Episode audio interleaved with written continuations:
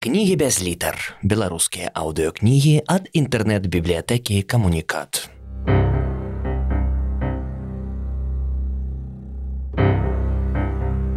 Адам Глобус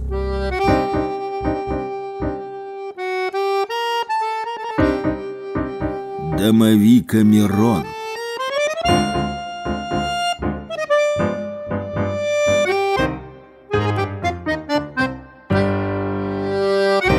Раздел 12. Чараўнік. На местачковай вуліцы хлопцы здзекаваліся з неразумнага антака. Антак, антак, бяжы за намі. Крычалі яны і рабілі выгляд, што бягуць. Той спрабаваў бегчы, але скалечаныя хваробаю ногі чапляліся за зямлю, і ён падаў у пыл.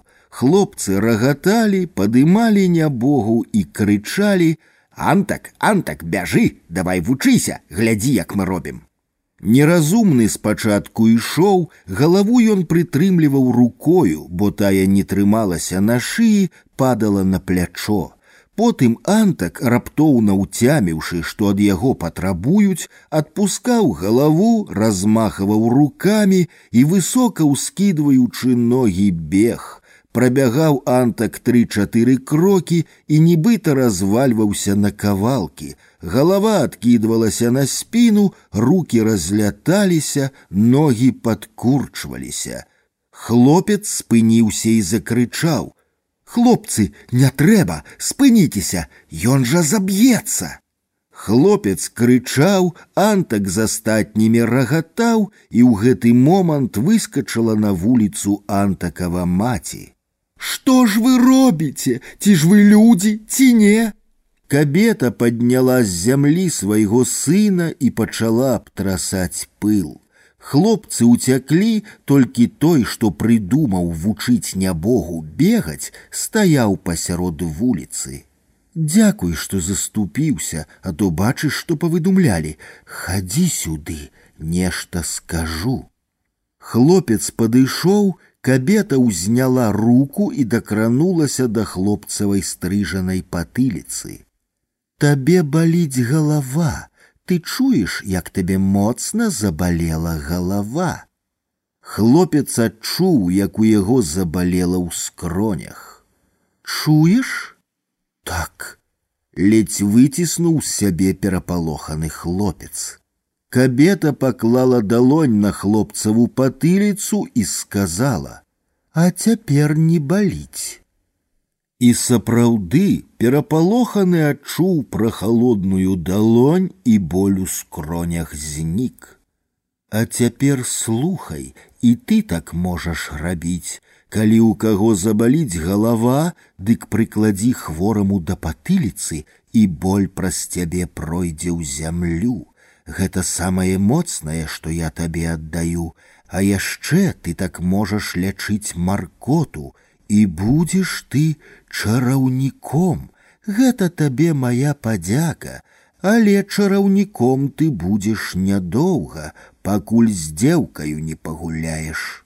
Кабета павяла свайго антака ў адзін канец вуліцы, а чараўнік пайшоў у другі. Праз тры гады пасля таго вулічнага здарэння чараўнік скончыў школу і паехаў у расійскі горад паступаць ва універсітэт. Ехала паступаць шмат местачкоўцаў, а паступілі толькі ў дваіх чараўнік ды ягоная аднакласніца габрэйка. Па дарозе ў расійскі горад з аднакласніцаю адбылося пераўтварэнне, з ірмы розенкранц яна зрабілася ірынаю стрыжонак. Пра гэты цуд ва ўніверсітэце ведаў толькі чараўнік. У інтэрнацкім калідоры габрэйка попрасіла чараўніка, каб ён нікому нічога не казаў пра яе паходжанне. Чараўнік паабяцаў, што вядома не скажа, і каб запэўніць яе, дакрануўся да патыліцы. Габрэйка змянілася з твару, з заклапочанай яна стала вясёлаю і нечакана прапанавала пайсці пагуляць у горад.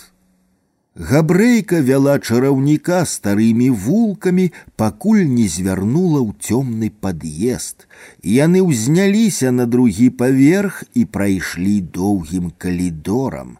Яна адчыніла дзверы, і чараўнік зайшоў у вялікі пакой. Ты ведаеш, дзе мы? Не, я тут ніколі не быў, пэўна, інтэрнат нейкі. Інтэрнат, Габрэйка засмяялася. Публічны дом. Ты ведаеш, я не хачу жыць у інтэрнаце, не хачу вяртацца ў нашае мястэчка, я хачу застацца жыць у гэтым горадзе, знайсці сабе расейца прыгожага і разумнага, спакусіць яго, выйсці за яго замуж, нарадзіць дзіця. Я шмат чаго хачу, і яшчэ я не хачу быць габрэйкай. Але ж ты габрэйка, Пра гэта ў гэтым горадзе ведаеш толькі ты. А ты што, не ведаеш? Я? Яна засмяялася і пачала распранацца. Я не ведаю. Чараўнік адвярнуўся і падышоў да акна, якое глядзела ў двор на памыніцу з кантэйнерамі і бачкамі. Ты што, саромейся? Чараўнік адчуў, што чырванее. Я не магу, сказаў ён да бачкоў і кантэйнераў. Ты проста не ўмееш, я навучу. Габрэйка падышла і абняла яго. Чараўнік страціў свае здольнасці і стаў звычайным студэнтам універсітэта. Габрэйка вельмі ўдала выйшла замуж за супрацоўніка КГБ, Калі экс-чараўнік пасля заканчэння вучобы прыехаў у сваё мястэчка, каб наведаць бацькоў, тыя расказалі, што неразумны антак памёр, а ягоная маці з'ехала невядома куды. Thank you.